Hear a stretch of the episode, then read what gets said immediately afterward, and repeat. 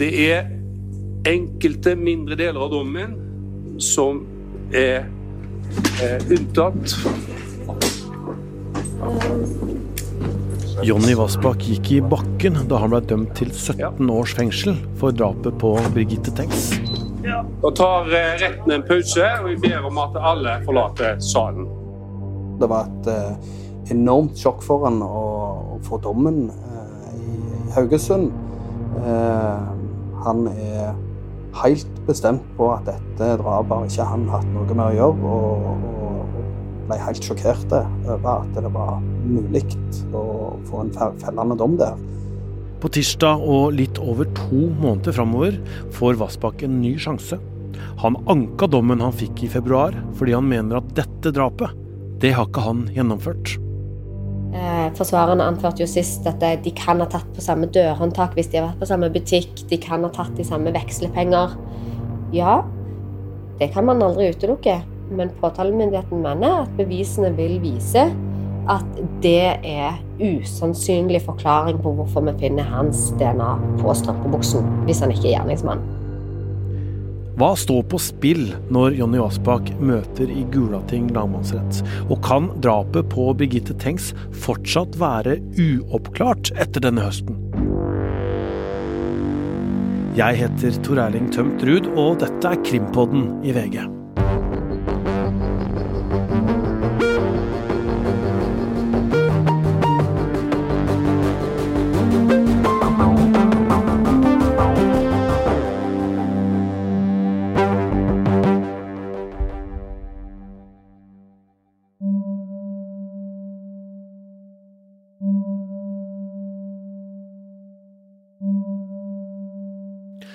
Nå møtes de igjen. Påtalemyndigheten, som mener de kan bevise at det er Jonny Vassbakk som drepte Birgitte Tengs i 1995.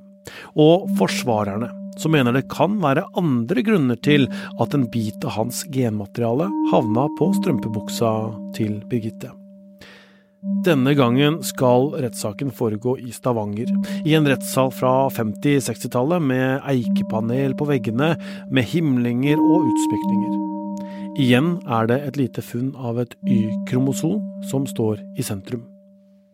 Ja, det er jo det denne saken hviler på. Og så er det ikke kun det som er bevisbildet, men uten det DNA-beviset der, så hadde ikke påtalemyndigheten hatt noen uh, sak. Det hadde ikke vært noen tiltalebeslutning mot uh, Jonny Vassbakk. Men, men, nå har man det, og påtalemyndigheten vil nok uh, jobbe for å styrke påstanden om at når det er på strømpebuksa, så må det knytte seg til drapshandlinga. Det er Jonny Vassbakk som er mannen som, tatt, som, tok livet av Birgitte Tengs i 1995. Og så vil vi høre forsvarerne si at jo da, det finnes på strømpebuksa. Kanskje vil de eh, peke på mulige usikkerhetsmomenter rundt eh, funnene også, men eh, de vil i hvert fall påpeke at det er ikke sikkert at det skyldes at Vassbakk har drept henne, at det er derfor dette DNA-sporet er på strømpebuksa. Eh, de kommer til å peke på en rekke andre muligheter, bl.a. at eh, det var et eh, relativt lite lokalsamfunn, og at dette DNA-beviset kan ha kommet på strømpebuksa, altså fra Jonny Vassbakk. Altså dersom det tilhører Jonny Vassbakk, så kan det ha havna på strømpebuksa på en annen måte enn gjennom en drapshandling. Mm. Og nå reiser Krimpodden til Stavanger. Du er med på Lasse Øystein, for å være tett på denne saken, i starten i hvert fall. Hvilke forventninger har du? Det var en enstemmig dom i tingretten i Haugesund, øh, og, og det kan jo fortelle noe om hva som er i vente, at uh, lagmannsretten kan komme til å havne på det samme resultatet, men det er viktig å si at det slett ikke skjer uh, hver gang. Nå er situasjonen at det kommer to fagdommere og fem meddommere. Det er den sammensetningen vi snakker om her, og de skal ikke se på det som skjedde i tingretten. De skal ikke tenke på den dommen, de skal starte denne saken som om den aldri har vært behandla i rettssystemet før og behandle Jonny Vassbakk med et utgangspunkt at han er uskyldig, og at påtalemyndigheten må bevise hans skyld. Det er ikke sånn at Jonny Vassbakk skal stå i retten og bevise at han er uskyldig. Det er som sagt påtalemyndigheten, som alltid, som er nødt til å føre de bevisene som gjør at retten eventuelt kan komme til en domfellelse. Ja, og så er det ikke sånn at uh, aktørene i retten denne gangen kan si ja, det viste vi jo fram i tingretten, så, så vi bare viser til det. De må vise fram alt på nytt. Det er eh, helt på nytt. Alle bevis, alle vitner. Alt må tas en gang til. Eh, og Det er derfor det også er en omtrent like lang rettssak nå som det var sist. Og så kan det hende at det dykker opp noen nye momenter. Det har vi jo sett i tidligere saker, og det har vært snakk om at det kan komme her òg. Så får vi bare avvente og se i hvilken grad det gjør det, og hva det vil bety. Men så er det nok eh, kanskje sånn at det er en fordel også at det har vært en rettsbehandling tidligere, og, og den kan vi snakke om uh, litt senere. Ja, for først så må vi innom forsvarer Stian eh, Bråstein. Paraplyen til reporter Ruth måtte selvsagt ristes litt på vei inn, for han og Adius advokater hører til i Stavanger. Så kan vi se om den reagerer når du snakker. Hvis du sier hva du heter? Og... Stian Trones Bråstein. Jeg begynner med å spørre deg om at eh, etter at dommen falt, og din eh, klient anka, hvordan har Jonny Vassbakk hatt det? Det har vært en, en voldsomt vanskelig tid for han eh, hele veien underveis i denne prosessen. Og, og selvfølgelig i, i, i bølgedaler og, og, sånn. Det var et eh, enormt sjokk for han å, å få dommen eh, i, i, Haugesund. Eh, han er helt bestemt på at dette drapet har ikke han hatt noe med å gjøre, og, og, og ble helt sjokkert over at det var mulig å få en fellende dom der. Samtidig så, så, er han, eh, så han voldsomt innstilt på å tale sin sak og ser fram til å få en ny prøving i, eh, i lagmannsretten. Mm. Hva tenker dere og han om eh, de konklusjonene som eh, lå til grunn for den dommen i tingretten? Han er bestemt på at han ikke er skyldig i saken. Eh, og da gir det seg sjøl at, at, at, hans standpunkt er at domsresultatet er feil. Samtidig så, så er det jo så, det jo, så, så ser vi jo òg på enkelthetene i, i dommen. Eh, eh, hvor er det vi, vi tenker at retten har, uh, har, gjort vurderinger som ikke er riktige, eller som ikke er grunnlag for i, i bevisførselen i saken. Og det er jo ting som vi uh, kommer til å, kom, å, gå inn på i, når ankesaken kommer. Hva er det? Nei, jeg har ikke lyst til å gå inn på enkelte punkter i saken. Men, men eh, kjernen i hele saken er, er jo det ene spørsmålet. Hva hva konklusjoner går det an å trekke ut ifra et ørlite funn av eh, Y-kromosom på, på fornærmedes i? Hva, hva, kan vi lese ut ifra at det var noen få celler eh, på den strømpebuksa? Eh, det må leses i lys av andre funn, observasjoner, manglende observasjoner osv., som de sakkyndige understreker gang på gang eh, i, i, sine forklaringer, og som, som, på en måte er det hellige mantraet eh, for, for eh, DNA-vitenskapsfolk. Kontekst context is key. Du kan, skal og må ikke trekke konklusjoner ut ifra et funn alene. Du må ha en, en, kontekst, en sammenheng å sette det inn i for å kunne si noe om hva funnet betyr.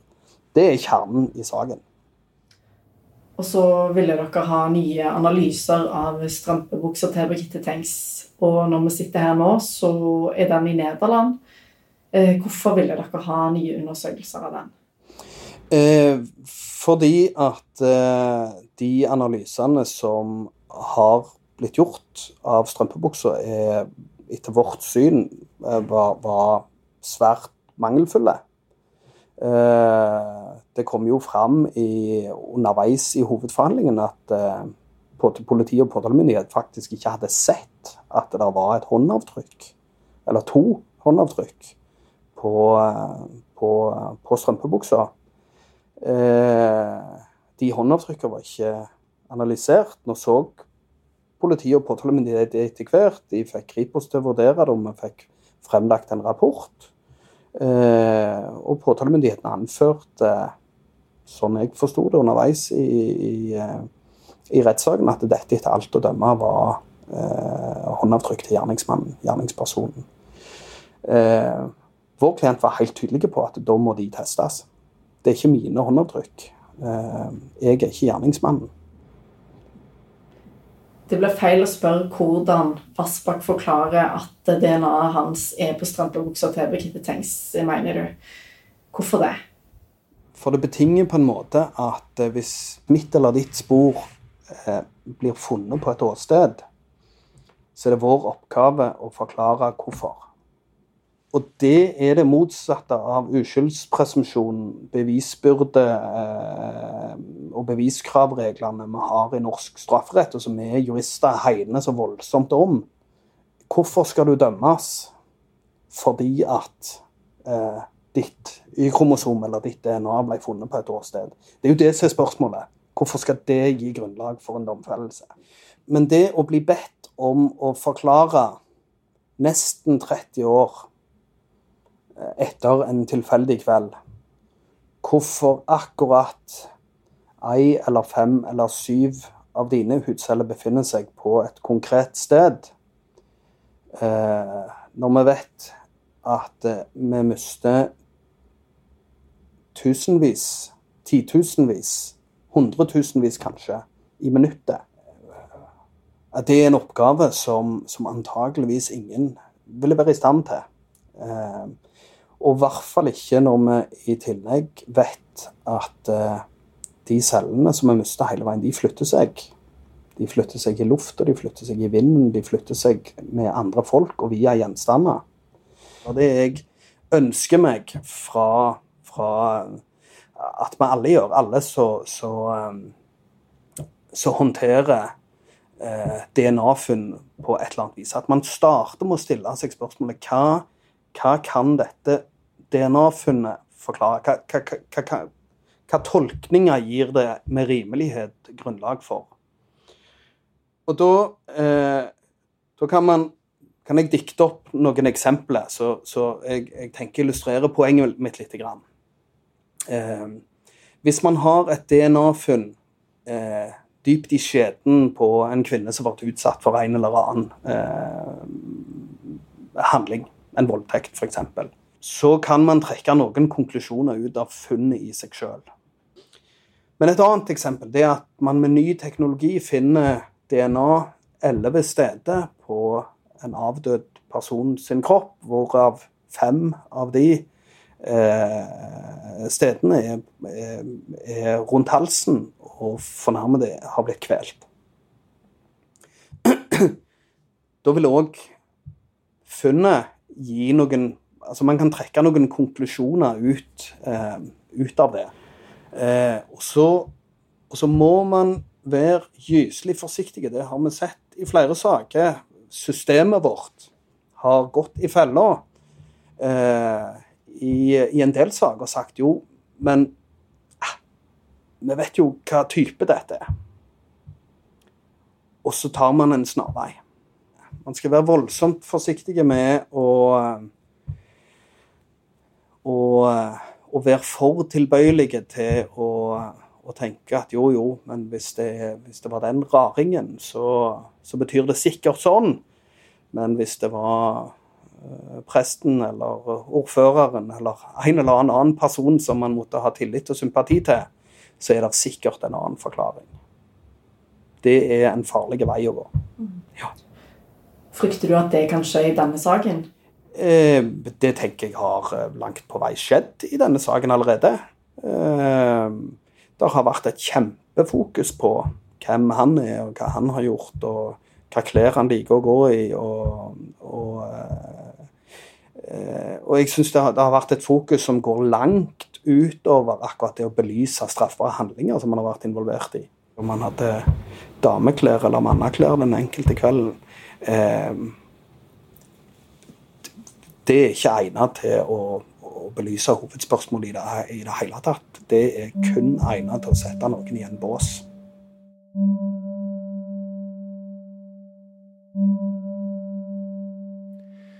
En av aktorene som fører saken mot Jonny Vassbakk, heter Tale Tomseth, og hun mener at disse såkalte støttebevisene er relevante. Det skal eh, Øystein også forklare litt mer om eh, seinere, men foran denne ankesaken mener fortsatt påtalemyndigheten at de har nok til å bevise at det er Vassbakk som står bak drapet. Vi vektlegger jo som vi har sagt mange ganger før, DNA-beviset eh, DNA-funn i denne saken mener vi er svært viktig. Det er vårt syn at denne DNA-beviset er det beviset som, eh, som knytter tiltalte til drapshandlingen. Og så blir det jo òg å føre bevis rundt støttebevisene. sant? Har han vært i området? Det må vi jo føre bevis for. Har han manglende alibi? Det må vi jo føre bevis rundt. Og relevant straffehistorikk skal vi føre bevis rundt. Vi har jo etter uh, domsavsigelsen så har vi vært enige med forsvarerne i at det, eh, det skal tas nye undersøkelser av uh, et område av strømpebuksen som var uh, blodtilsølt. Et område som ligger på låret, um, og som er undersøkt tidligere. Strampebuksen er jo undersøkt ved flere anledninger veldig, veldig grundig. Eh, og med beste teknologien du kan bruke på for å analysere tekstil. Eh, så vi har ingen eh, forventninger om at det kan komme noen nye resultater. Men det er et institutt i Nederland som er blitt brukt i denne saken tidligere, NFI. De har sagt at de kan gjøre noen nye undersøkelser. Og at de ikke kan utelukke at man kan finne noe nytt. Og da syns vi det er rimelig å gjøre det.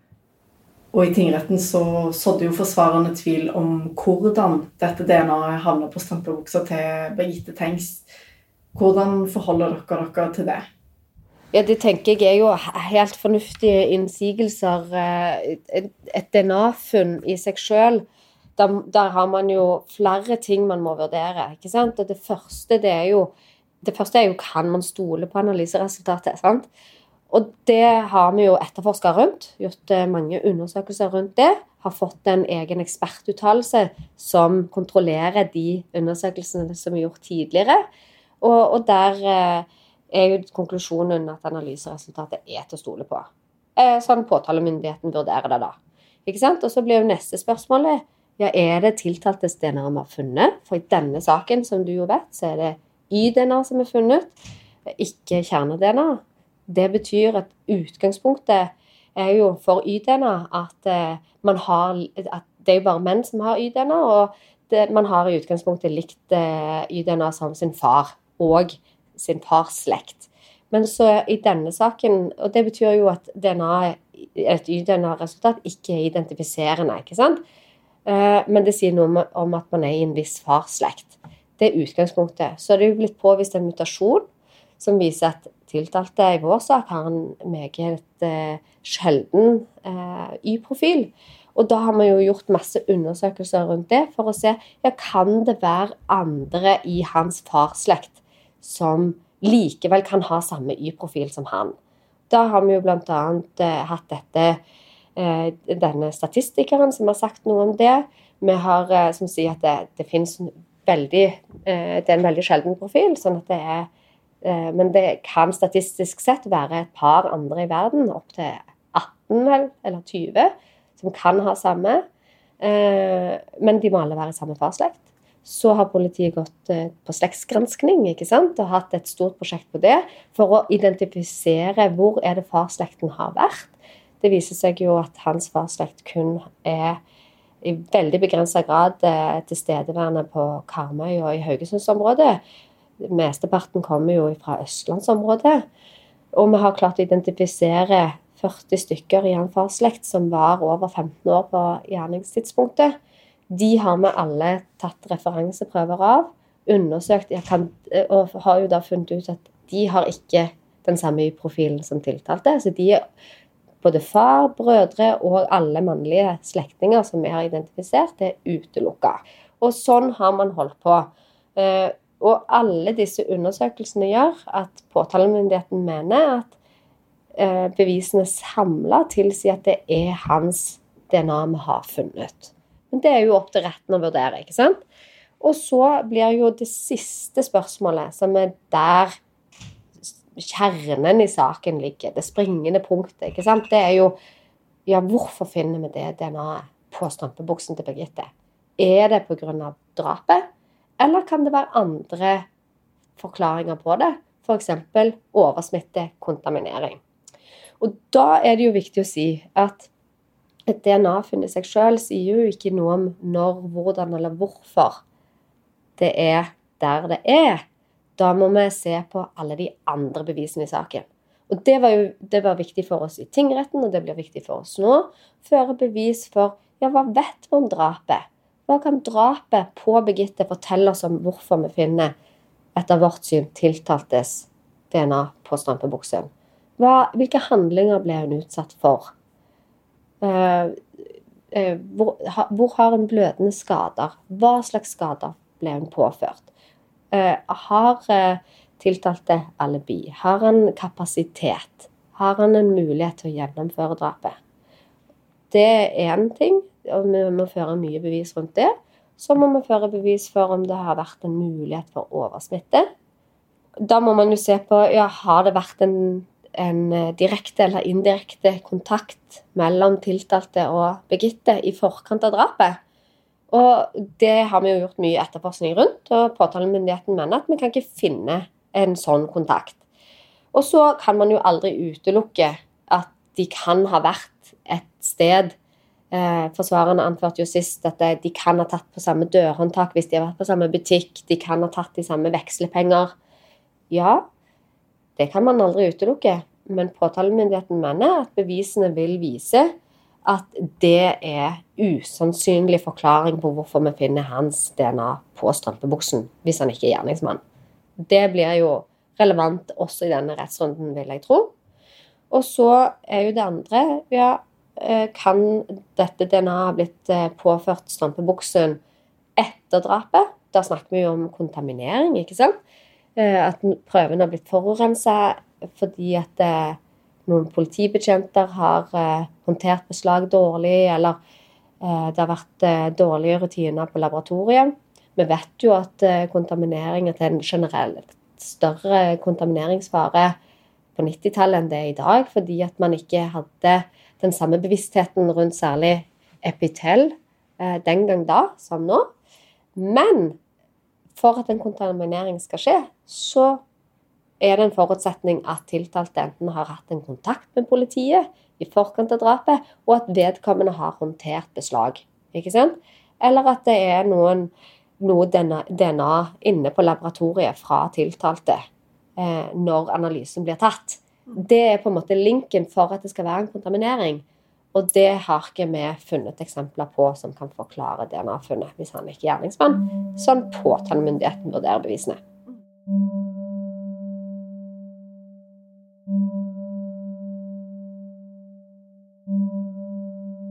Øystein, når du hører forsvareren her og statsadvokaten, hva er din tolkning på hva som står på spill i denne rettssaken?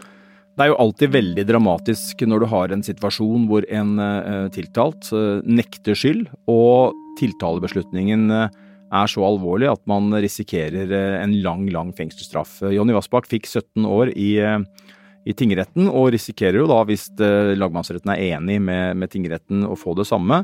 Og han eh, avviser jo kategorisk at han er eh, gjerningsmannen. og det med det som bakteppe så er det selvfølgelig veldig, veldig dramatisk. Det står mye på spill.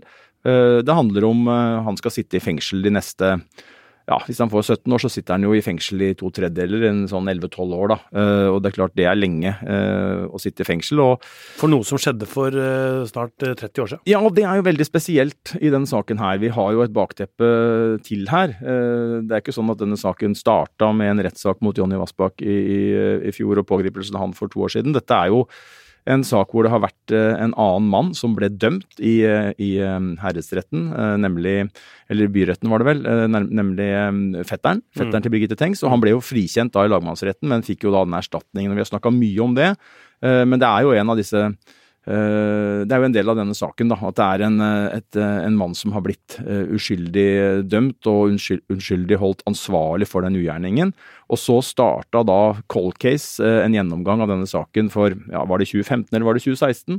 Eh, mange år siden i hvert fall. Og så gjennom den og fant et potensial for at den kunne oppklares, eh, som vel Espen Erdal, Cold Case-sjefen, sa på en pressekonferanse. Og så vet vi jo nå da hva som var det store, store potensialet der, sånn påtalemyndigheten og politiet ser det. Det var jo DNA. Det har skjedd en rivende utvikling på DNA. Det man ikke klarte å finne for bare noen ganske få år siden, det kan man i dag eh, klare. Og, og det er jo noe av, eller det er vel hovedgrunnen rett og slett, til at vi da har fått en, en, en, så spesiell situasjon. At en mann blir stilt for retten for et drap som skjedde i 1995. Eh, og det er et bakteppe med DNA òg? For det ble jo gjort undersøkelser den gangen. Da var jo DNA på en måte veldig, veldig eh, ungt, og, og man, var, man, var, uerfaren på det. ikke sant? Man gjorde feil den gangen.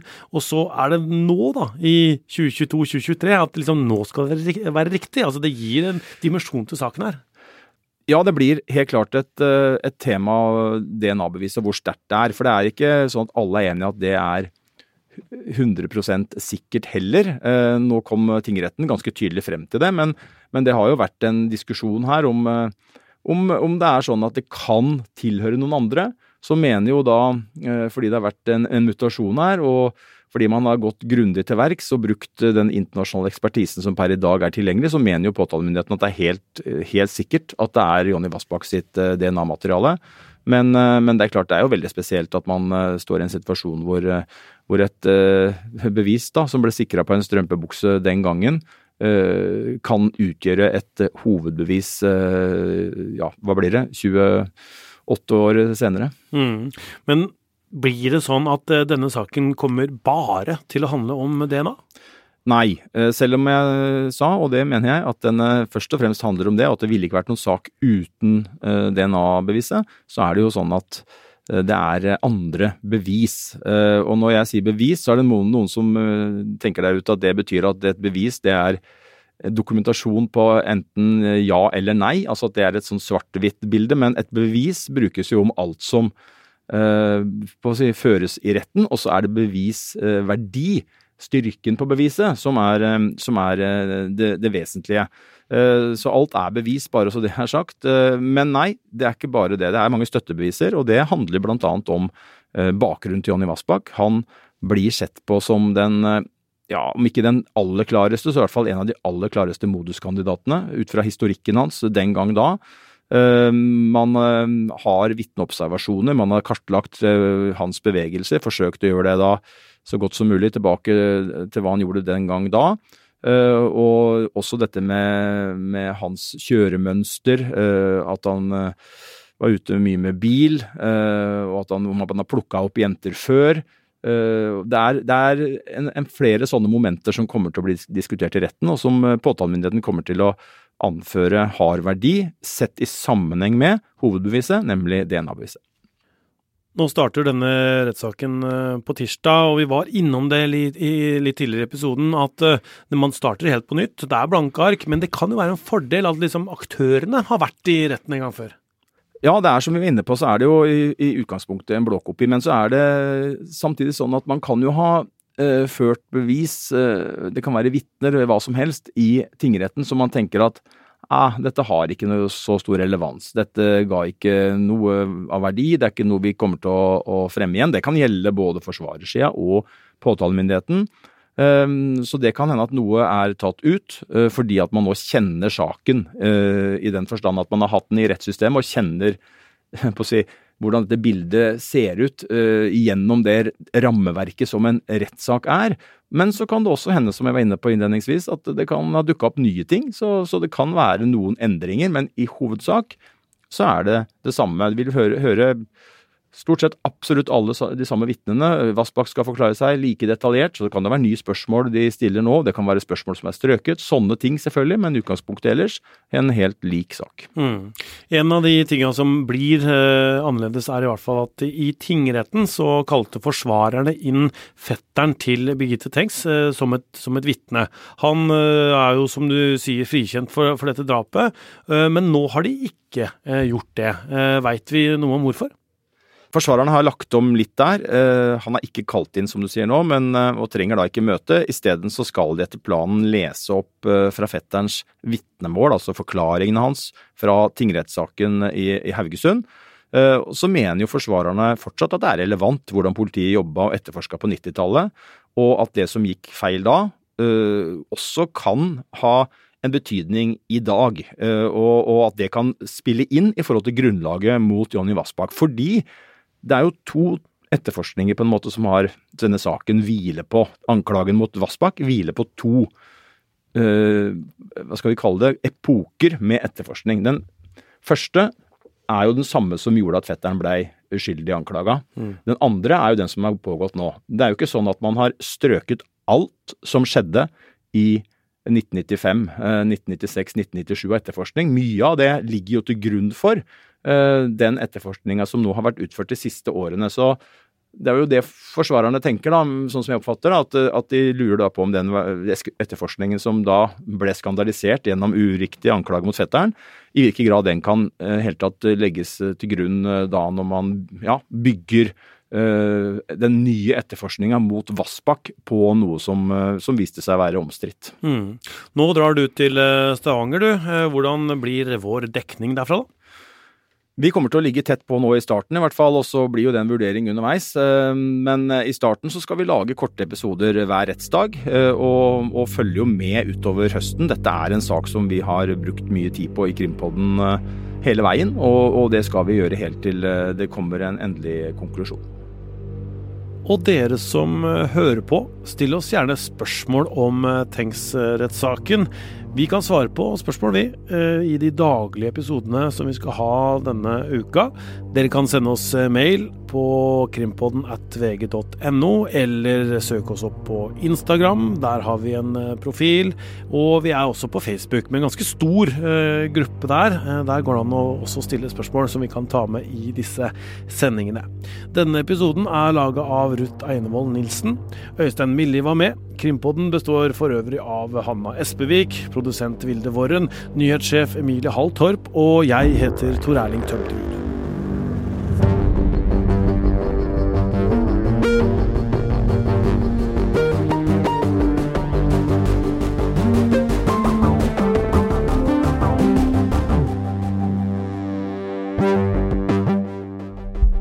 Du har hørt en podkast fra VG.